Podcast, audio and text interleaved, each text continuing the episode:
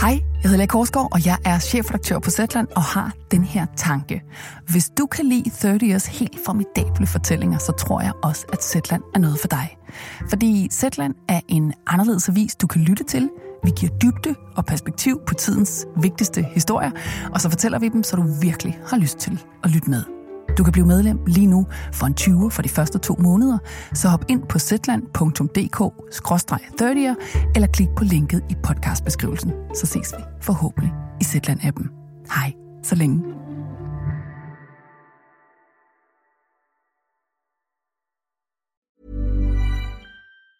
Ever catch yourself eating the same flavorless dinner three days in a row?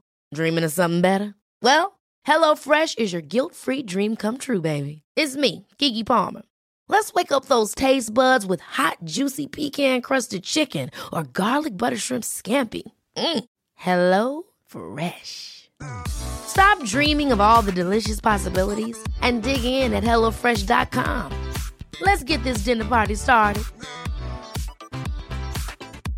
Cool fact a crocodile can't stick out its tongue. Also, you can get health insurance for a month or just under a year in some states. United Healthcare short term insurance plans, underwritten by Golden Rule Insurance Company, offer flexible, budget friendly coverage for you. Learn more at uh1.com. Du lytter til en podcast fra Third Ear. Hej, og velkommen til første kapitel af Konspirativ Kærlighed. Hvis du lytter til det her på Third Ears podcast app, eller fordi du har abonneret på vores kanal på Apple Podcasts, tak for din støtte, og tak fordi du er med til at sikre, at vi kan blive ved med at levere podcast-historier, som er så gode, at du kommer til at snakke om den næste gang du hænger ud med folk, du virkelig godt kan lide. Okay, først og fremmest, har du hørt prologen til serien endnu? Det er faktisk en ret god idé at gå tilbage og høre prologen, inden du går videre her, fordi i prologen forklarer vi en del ting, som du har brug for, for at følge med.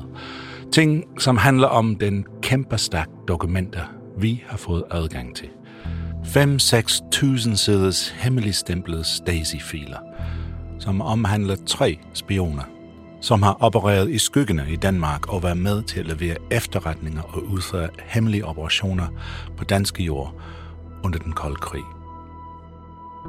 På mange måder ligner det, vi nu skal fortælle, noget fra en film eller en sæbeopera. Nogle gange skal man bare nive sig selv i armen for at huske, at det her er en true story.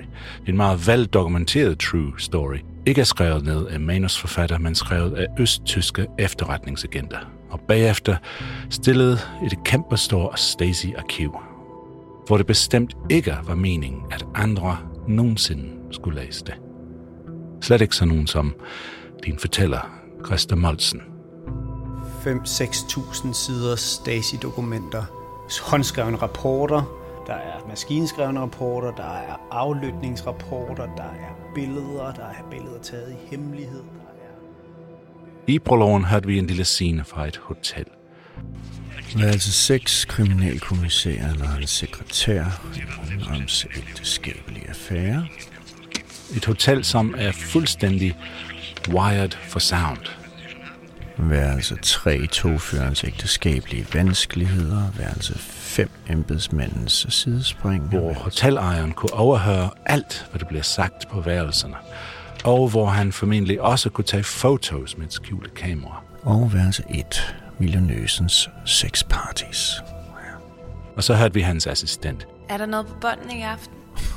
som modtog en konvolut med kassettebånd og fotos og rejste væk med dem. Jeg kører i nat, så kan jeg være tilbage hos dig om et par dage. Pas på dig selv. Deres overvågningshotel virker til at køre efter faste og effektive rutiner. Vi samler smus på en masse forskellige gæster. Men hvad er det, de gerne vil med alt de smus, de indhenter? Og hvem er det, de skal aflevere det til? Og ikke mindst, hvem er de to karakterer, som driver det her mærkelige hotel? Det er tid til at møde de første af tre hovedpersoner i vores fortælling. Hotelejeren selv, en Stasi-spion, med kodenavnet Madrid.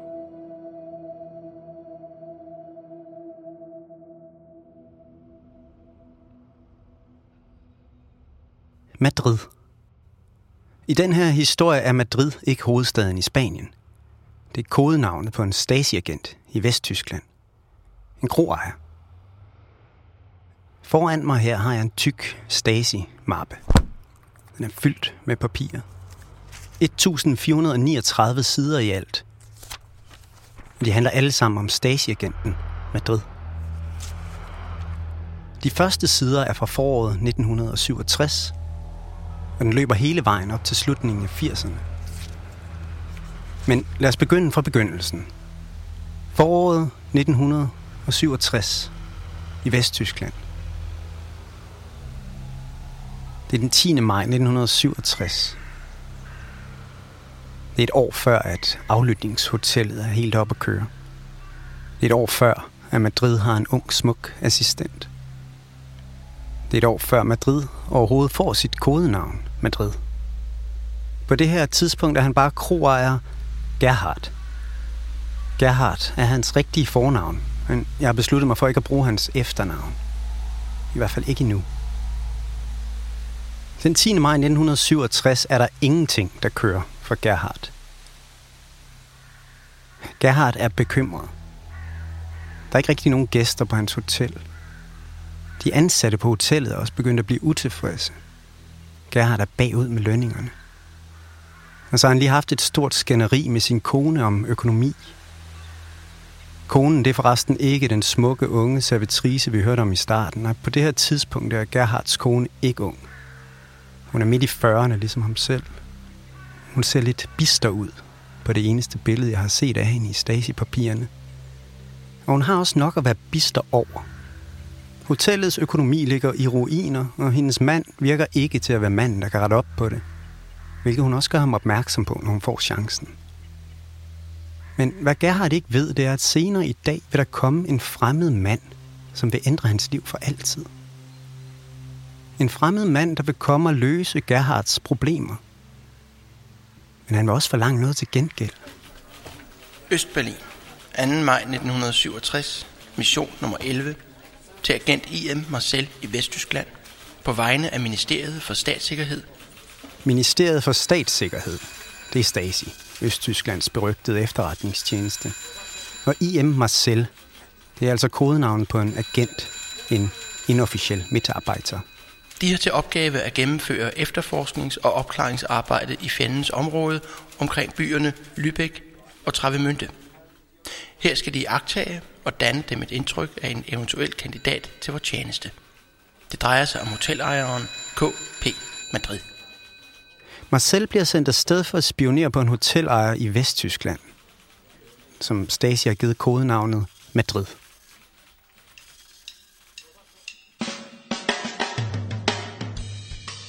I virkeligheden hedder han Gerhard, og Stasi har et godt øje til ham. Lige nu er de i gang med at undersøge, om de kan stole på ham, om de kan bruge ham til noget, om de skal forsøge at værve ham som Stasi-agent. Ved middagstid tager de toget til landsbyen Pansdorf, lokaliseret på toglinjen mellem Lübeck og Travemünde. Agent Marcel ankommer omkring middag den 10. maj 1967 til en lille landsby uden skov, tæt på den danske grænse. Jeg er lige stået toget på Pansdorf station. Nu står jeg på den lille plads, der er foran stationsbygningen. Grunden til at stå i regnvejret i Pansdorf er, at jeg vil forsøge at gå i Stasis fodspor. Forsøge at lade Stasi lede mig ind i den her verden. Men det vil jeg gøre med en lille stak af papir, som beskriver lige præcis det her sted, men for 50 år siden. Så jeg har mig selv beskrivelse af, hvor hotellet skulle ligge her. Og med billeder af alle de steder, hvor man skal dreje på vejen, eller af kendetegn og så videre. De skal bevæge dem til fods fra stationen til hotellet, og undervejs til hotellet skal de tage billeder af landmærker og let genkendelige detaljer på ruten.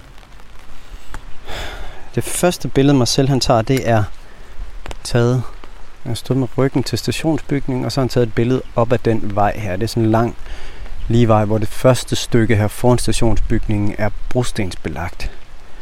Og det var det også dengang, kan jeg se. Og så er der en pil, hvor der står, at man skal dreje til højre ned ad den gade, der er der. Så det vil jeg prøve. Disse fotografier skal tages konspirativt. Der er altså ingen forbipasserende eller involverede, der må opdage, at fotografierne bliver taget. Ved gennemførelsen af ovennævnte opgave holdes deres beklædning i en form, der giver det indtryk, at de er en urlauber. En feriegæst. Og det har jeg også gjort. Jeg har øh, shorts på og en, øh, øh, og en t-shirt og en lille, og en lille pullover nu, hvor det, hvor det blæser og regner så meget. Det vil godt ligne en turist. Jeg har heldigvis en paraply med. Deres opgave består i at skabe et præcist overblik over ovennævnte restaurant, det vil sige over restaurantens ejer og det publikum, der færdes der, såvel som selve indretningen. Marcels opgave er at observere. Han skal finde Hof Ruhlstoffer Bæk, og så skal han sætte sig ind i hotellets restaurant og spise et måltid mad. De skal opholde dem ikke mere end to timer i hotellets restaurant. Her skal de nøje observere hotellets ejer og dennes kone og eventuelt ansatte på stedet. Marcel finder hotellet uden problemer. Og han får knødel med spæk og to store varsteinerøl til 4,5 Vestmark. Regningen ligger også i rapporten. De skal især fokusere på at danne dem et billede af, hvilket slags menneske ejeren er, men uden at han bliver opmærksom på deres interesse for ham. Hele operationen skal foregå konspirativt. Mens Marcel spiser sin konspirative knødel, så danner han sig et billede af restauranten.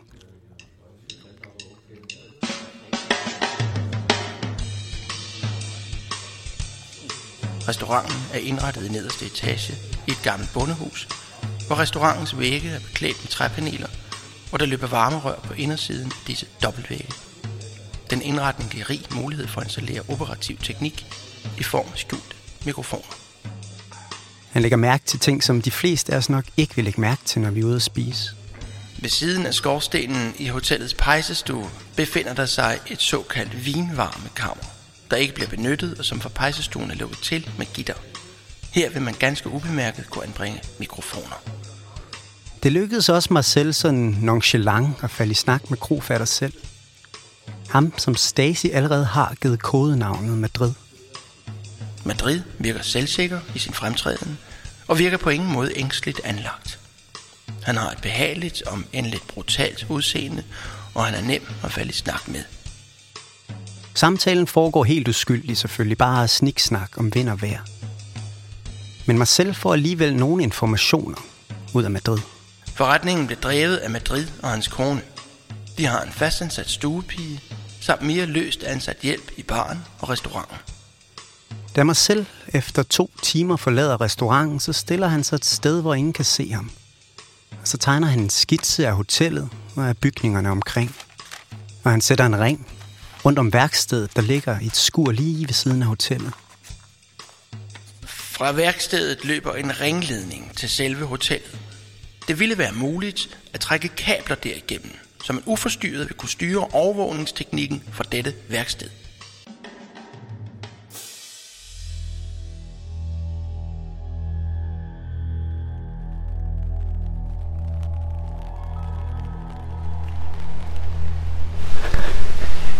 Yes.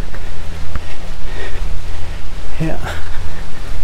Her deler vejen, så, så bliver det til ganske rigtigt. Så bliver det til en grusvej nu. Man se her. Så går man virkelig ind i skoven nu. Grunden til, at Stacy overhovedet kender til Gerhard og hans hotel, det er, at Stacy kender Gerhards far. Gerhard er vesttysker, men hans far er østtysker, og han bor i Østberlin. Og Gerhards far er informant for Stasi. Hans kodenavn er Anton. Og Anton han har tippet Stasi om, at hans egen søn måske vil være en god agent for Stasi. Jeg kan se i Madrids rapporter, at han nogle gange besøger sin gamle far hjemme i Østberlin. Og når han gør det, så ved Stasi alt om det. Det gør de selvfølgelig, fordi hans far fortæller dem det.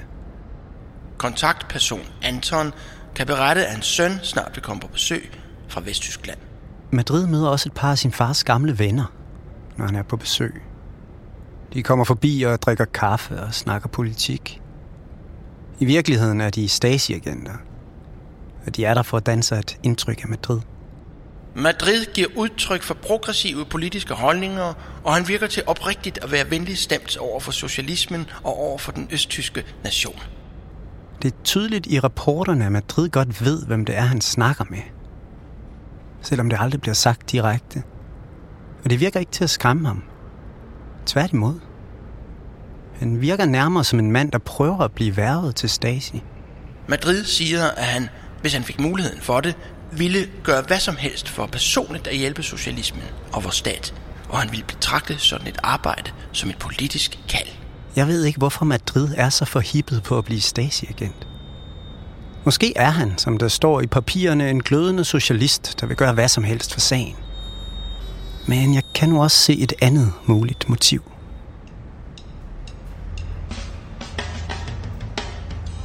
Tilbage i Vesttyskland mødes Madrid med Marcel på en bar i Lübeck.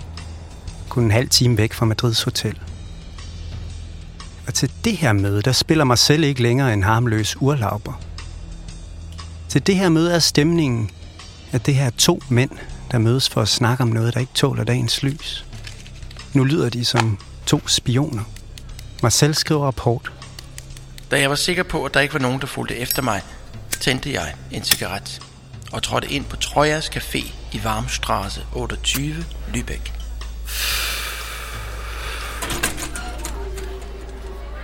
Klokken var der 11.15 præcist. Ved et bord i etablissementet så jeg straks Madrid. Han røg ligeledes på en cigaret. De to har aftalt, at de skal have tændte cigaretter i munden, hvis de er sikre på, at der ikke er nogen, der observerer dem. Det er et hemmeligt signal. Jeg gik hen til ham og spurgte, om jeg måtte sætte mig ved hans bord. Han sagde ja, og bestilte straks noget at drikke. Og så har de to noget, der lyder som en helt utrolig agentagtig samtale. Jeg sagde, at det glædede mig, at han var så punktlig. Til det svarede Madrid, at det er en selvfølgelighed i det, som vi beskæftiger os med. Det er en selvfølgelighed i det, som vi beskæftiger os med. Han sagde også, at hvis jeg ikke skulle være punktlig, så ville han kun vente to minutter på mig, før han straks ville forlade mødestedet. Hvis du ikke selv havde været punktlig, så ville jeg kun vente to minutter på dig, før jeg straks ville forlade mødestedet. Jeg sagde, at det var den korrekte indstilling, og jeg heller ikke under nogen omstændigheder ville vente længere på ham, hvilket han forstod, og endnu en gang pointerede, at han altid selv var punktlig, og han regnede med den samme professionalisme fra folk omkring ham.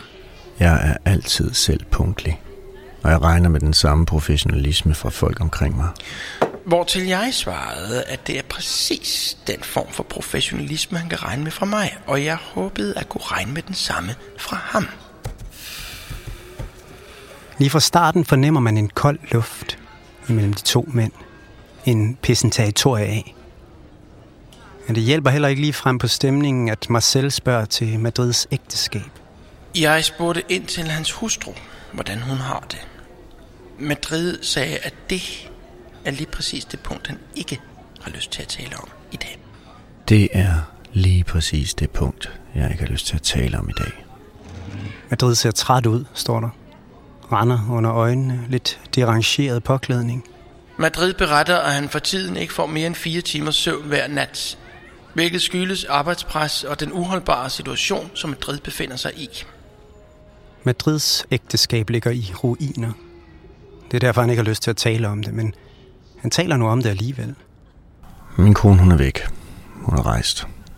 Hun har været væk i syv uger nu, så har man nok indse, at hun er endegyldigt væk. Ja. Så jeg er efterladt alene med hotellet.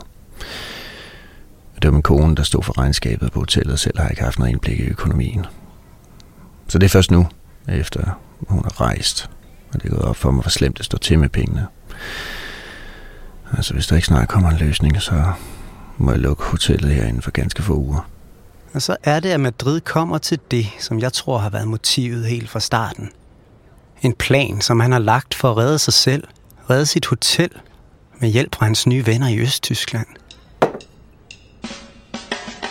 I mit hotel kommer der mange mennesker, der kunne være interessante for jer.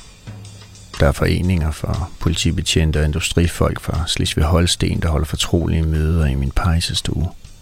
Der er soldater fra det vesttyske militær, fra krigsmarinen og grænsepatruljen, der kommer og spiser og drikker hos mig.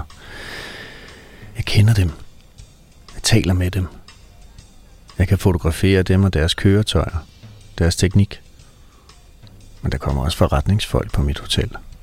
Politikere, embedsmænd fra Bonn og fra Hamburg, de kommer og tilbringer en weekend på mit hotel med deres sekretærer eller deres elskerinder, som de ikke er gift med.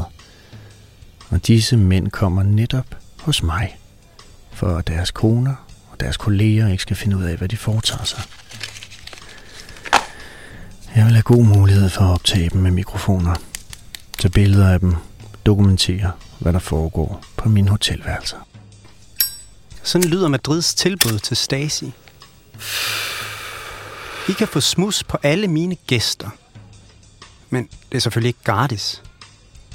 Måske vi kunne hjælpe hinanden her. Han siger, at han er parat til uforbeholdent at gennemføre opgaver for vores organ, uden hensyn til sin egen person. Jeg vurderer Madrid sådan, at disse ord ikke kun er tom snak, men han også vil kunne udføre sine opgaver på denne måde.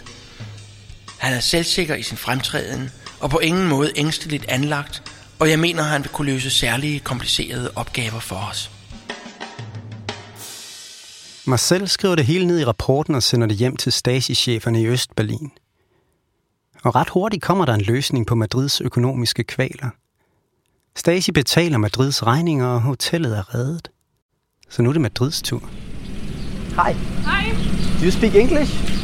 Uh, yeah, kinda. okay. Uh, do you live or do you, do you know anything about it? Well, this I place? know the word. Uh, Hofruhlstofferbeck. Yep. Is that here? yeah. Wow, I found it. it's so far away from everything else. I løbet af året 1968 begynder Madrid at bygge sit hotel om til at være et gennemovervåget Stasi-hotel. Han bygger falske vægge, som han kan snige sig rundt inde bagved og tage billeder igennem små huller i hotelværelsernes vægge. Han borer huller og trækker kabler fra hotellet over i værkstedet ved siden af. Det er her. Sådan et stråtægt hus. I tre etager. Jeg skal lige kigge ind ad vinduet her. Madrid arbejder på at indbygge operativ teknik til konspirativt at fotografere hotellets gæster. Det ligner sig selv fra billederne fuldstændig. Der er stadigvæk en restaurant i den nederste etage i Hofruhlstoffer Bæk, men der er lukket, og døren er låst. Der står... Altså, der skulle egentlig være åben jo. Fredag 16 til 21. Samstag 13 til 16 og 17 til 21. Og så Der er ikke længere hotelværelser på første salen, men jeg får fat i en mand, der bor deroppe nu. Og han går med til at lukke mig ind i selve restauranten, men kun hvis jeg lover ikke at optage ham. Jeg er inde i det gamle Hof Rulstorfer Bæk nu. Inde i restauranten. Det her må have været receptionen, som man går igennem her. Altså, Så jeg er alene i den tomme restaurant med Madrids tegninger af, hvordan der så ud dengang. Og hvor han har skjult mikrofonerne. jeg har en håndtegning her, som Madrid har lavet i 68 eller 69. Og så har han tegnet ind, hvor der er aflytningsudstyr. Udgifter til udrustning af IM Madrid med operativ teknik, der vil gøre ham i stand til at aflytte samtaler i hotelværelser. Alt det koster selvfølgelig nogle penge, men Stasi betaler. To styk kassettebåndoptagere med tre kassetter i hver. 227 Vestmark. En grundig radiosender og modtager 383 Vestmark. Og derfra har han så kunne trække kabler, han tegnet på den her tegning, fra mikrofonerne ned i kælderen. Kabler og teknisk udstyr 441 Vestmark. Hovedtelefoner 23 Vestmark.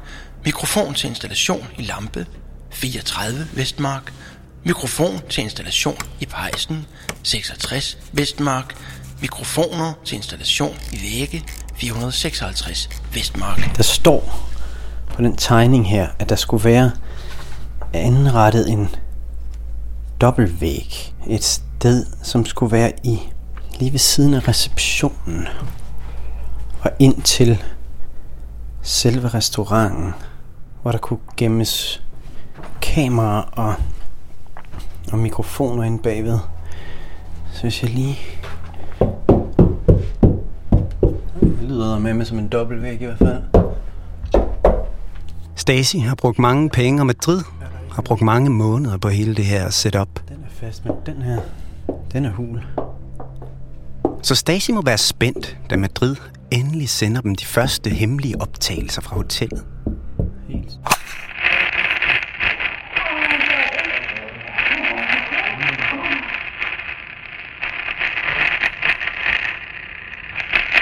Optagelserne er så ringe kvalitet, at det må betegnes som ubrugelige. De ting Madrid optog med de mikrofoner, han havde gemt rundt om i væggene på sit hotel. De optagelser, de findes ikke længere i dag. Stacy skrev dem af, og så genbrugte de båndene. Så vi kan kun forestille os, hvordan de må have lyttet.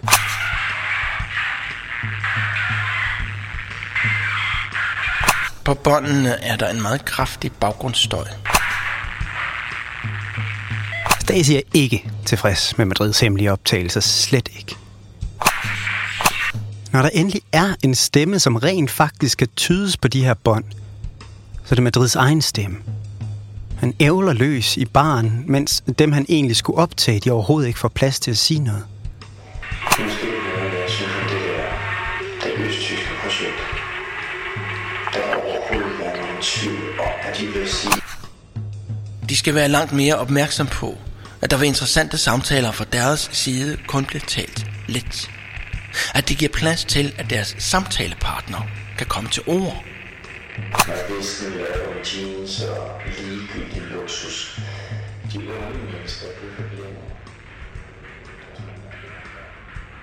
Stemningen til de hemmelige møder imellem Madrid og hans forbindelsesofficer Marcel er elendig i den her periode. Madrid kan ikke gøre noget rigtigt, og Marcel har ikke andet end kritik at overlevere til ham fra cheferne hjemme i Østtyskland. Endnu en gang må Madrid gøres opmærksom på, at de optagelser, vi modtager, er utilfredsstillende. Madrid skal have alting forklaret, helt forfra, hver gang. Når de afleverer optagelser af deres gæster på deres hotel, så er det, som før forklaret, af afgørende betydning, at de også videregiver persondata på de mennesker, de aflytter. Ellers har vi ingen chance for at vide, hvem det er, de har optaget. Samtidig med at Madrid underpræsterer voldsomt i sit agentarbejde, så prøver han også at få flere penge ud af Stasi. Det kamera, som jeg anskaffer mig, er for stort, for klodset til at bruge konspirativt. Jeg, jeg har brug for et, der er mindre et japansk et måske. Og jeg er heller ikke gæster nok endnu. Det ser noget tyndt ud i øjeblikket. Madrid er fuld af undskyldninger, men han bliver ikke bedre. Særligt skal støj fra kaffeservice og så videre undgås. Efter min kone rejste, så stod jeg for driften af hotellet på egen hånd, hvilket gør, at den tid, jeg kan vige til optagelserne, er begrænset. Jeg kan se i rapporterne, at Marcel bliver sendt igen og igen for at forsøge at rette op på Madrid. Mødepunkt nummer 1. Modtagelse af beretning fra Madrid angående manglende overholdelse af aftaler. Stasi bliver ved med at give Madrid mere tid flere penge. Og det eneste, de får igen, er elendige optagelser, uskarpe billeder og dårlige undskyldninger. Her er de billeder, jeg har taget. Det er ikke ret meget, og det er det eneste, jeg har fået lavet. Jeg beklager, at din rejse var forgæves. Stasi begynder også at tvivle på, om de overhovedet kan stole på Madrid. Eller om han måske skal betegnes som en forræder. Punkt 3.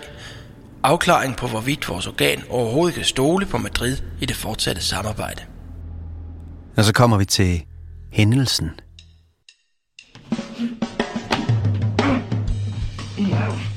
Det står ikke tydeligt i rapporterne, hvad der sker, men der er en konflikt. Det er noget, som Stacy kalder hændelsen mellem Madrid og Marcel. Sammenfattende skal det siges, at Madrid var meget nedslået over hændelsen med IM Marcel, og han også kom med berettigede bebrejdelser i denne sag.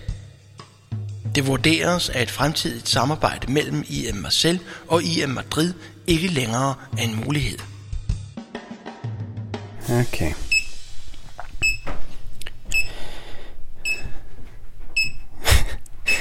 Jeg har en boxwiper i hånden, som jeg har købt på internettet på en hjemmeside, der hedder spyware.dk. En maskine, som det ligner en walkie-talkie eller sådan noget med to antenner på, som man kan bruge til at teste, om der er mikrofoner skjult. Man holder den helt tæt op ad væggen, så de kunne finde skjulte mikrofoner. Og det er den her lyd. Det betyder, at der ikke er nogen mikrofoner. Der skal komme en konstant tone eller en hurtig, meget hurtig biblyd. Fuck. Er der, altså... Hmm. Er der en skjult mikrofon fra 1969 inde bag den der væg? Det kunne da godt være.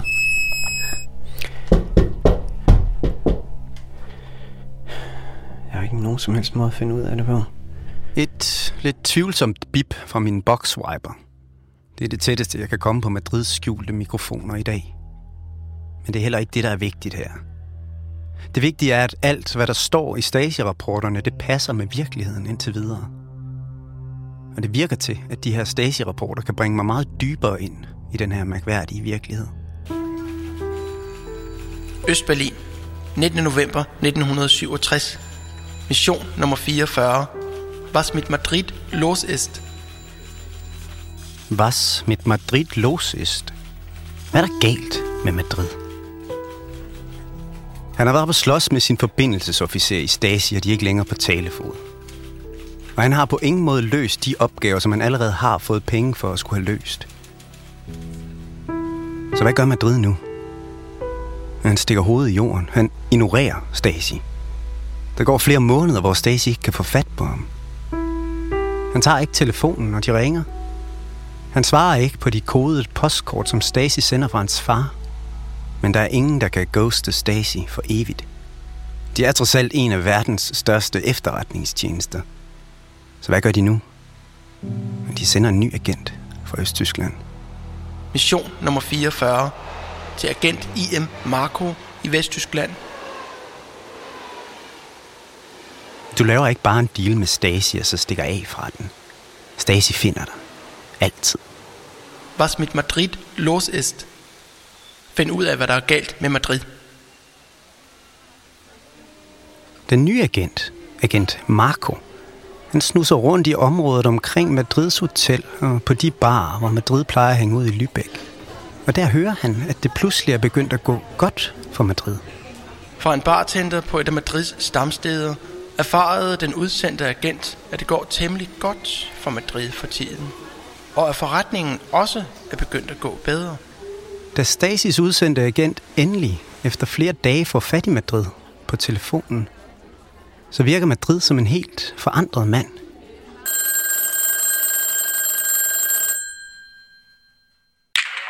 Dejligt at høre fra dig. Nå ja, tak, tak. Ja. Nej, det går rigtig godt. Rigtig, rigtig godt. Der er fuld gang i hotellet, og restauranten er alt er booket. Så og jeg er fuld af gæster. Godt at høre fra dig. Og du må egentlig hilse vores venner. Ja, godt. Farvel. Madrid virker ikke kude længere. Han virker ikke længere som en stor undskyldning for sig selv. Madrid fortæller også, at der er sket noget stort i hans liv. Noget, der måske kunne være grunden til, at han er en forandret mand. Madrid har fået en ny kæreste. Eller det, der i stasisprog hedder en kvinde, som han vil knytte til sig. Jeg har mødt en. En kvinde, som jeg ønsker at knytte til mig. Hun arbejder allerede sammen med mig om hotellets daglige drift. Hun har progressive holdninger. Hun er positivt stemt over for det østtyske projekt. Hun ved selvfølgelig ikke noget om min forbindelse til jer. Men jeg er overbevist om, at hun vil være brugbar for tjenesten. Madrid foreslår med det samme, at hans nye kæreste måske vil være en god spion for Stasi. Hun kunne hjælpe ham med det arbejde, som han ikke rigtig er kommet i gang med for Stasi. Jeg vil foreslå, at vi sætter et møde op, hvor jeres folk kan møde hende tilfældigt, så I kan danne jer et indtryk af hende. Madrids nye kæreste er langt yngre, end han er. Faktisk er hun kun halvt så gammel som ham. Han er 44, hun er 22, da de mødes. Hun er ung og smuk. Der er et billede af hende i rapporterne, hvor hun sidder og kæler med Madrids store hund. Hun er blond med skarpt klippet pandehår. Hendes øjne lyser. Hun griner, mens hun læner hovedet bagover. Og hun er som sendt fra himlen for Madrid. Fra hun træder ind på scenen, begynder alting at gå bedre i Madrids liv. Hans arbejde bliver bedre. Han bliver bedre til at spionere på alt, hvad hans gæster foretager sig på hans hotel. Men hvem er hun, hende der kommer ind og vender op og ned på det hele? Hvem er Madrids nye kæreste? Hun er der bare, lige pludselig, ude midt i en skov, midt i ingenting, da Madrid har allermest brug for hende. Har himlen sendt hende? Eller har Stasi sendt hende? Eller er der nogle helt andre, der har sendt hende? Det er næste gang i kapitel 2 af Konspirativ Kærlighed.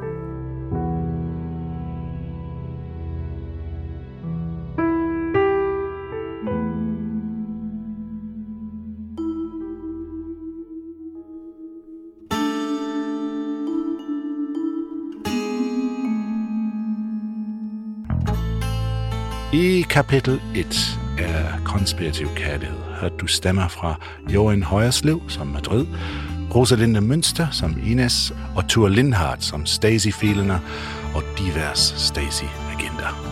Serien er skrevet og fortalt af Christian Molsen, klippet, lydlagt og sat til musik af mig. Jeg hedder Tim Hinman. Foley lyd og redigering var af Frederik Nielborg, som også står for alt det med vores webside og studieoptagelser og alt muligt andet. Research er fra Miriam Arndt og Anna Taulow.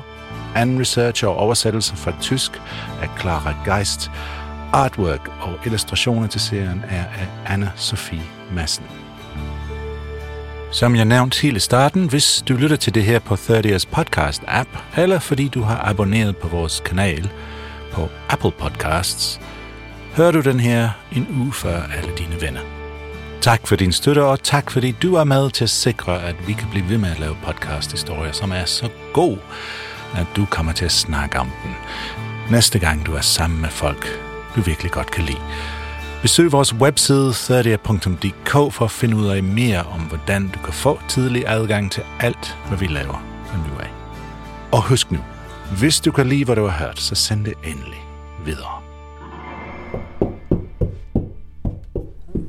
Med som en dobbeltvæg i hvert fald. Mhm. Imagine the softest sheets you've ever felt. Now imagine them getting even softer over time. That's what you'll feel with Bowl and Branch's organic cotton sheets. In a recent customer survey, 96% replied that Bowl and Branch sheets get softer with every wash. Start getting your best night's sleep in these sheets that get softer and softer for years to come. Try their sheets with a 30-night guarantee. Plus, get 15% off your first order at bowlandbranch.com. Code BUTTERY. Exclusions apply. See site for details. Ever catch yourself eating the same flavorless dinner three days in a row? Dreaming of something better? Well, HelloFresh is your guilt-free dream come true, baby. It's me, Kiki Palmer. Let's wake up those taste buds with hot, juicy pecan-crusted chicken or garlic butter shrimp scampi. Mm. Hello Fresh. Stop dreaming of all the delicious possibilities and dig in at HelloFresh.com. Let's get this dinner party started. Want truly hydrated skin? Meet Osea's Body Care Breakthrough Hyaluronic Body Serum. It's clinically proven to increase hydration by 161%. It's lightweight, fast absorbing, and delivers 24 hours of hydration for silky smooth skin without any sticky afterfeel. Treat your skin to clean vegan skincare from Osea. Get 10% off your first order with code SUMMER at OseaMalibu.com. That's O S E A Malibu.com code SUMMER. Hej, jeg hedder Lea Korsgaard, og jeg er chefredaktør på Zetland og har den her tanke. Hvis du kan lide 30 Years helt formidable fortællinger, så tror jeg også, at Zetland er noget for dig. Fordi Zetland er en anderledes avis, du kan lytte til. Vi giver dybde og perspektiv på tidens vigtigste historier, og så fortæller vi dem, så du virkelig har lyst til at lytte med. Du kan blive medlem lige nu for en 20 for de første to måneder, så hop ind på zetland.dk-30'er eller klik på linket i podcastbeskrivelsen. Så ses vi forhåbentlig i Zetland-appen. Hej, så længe.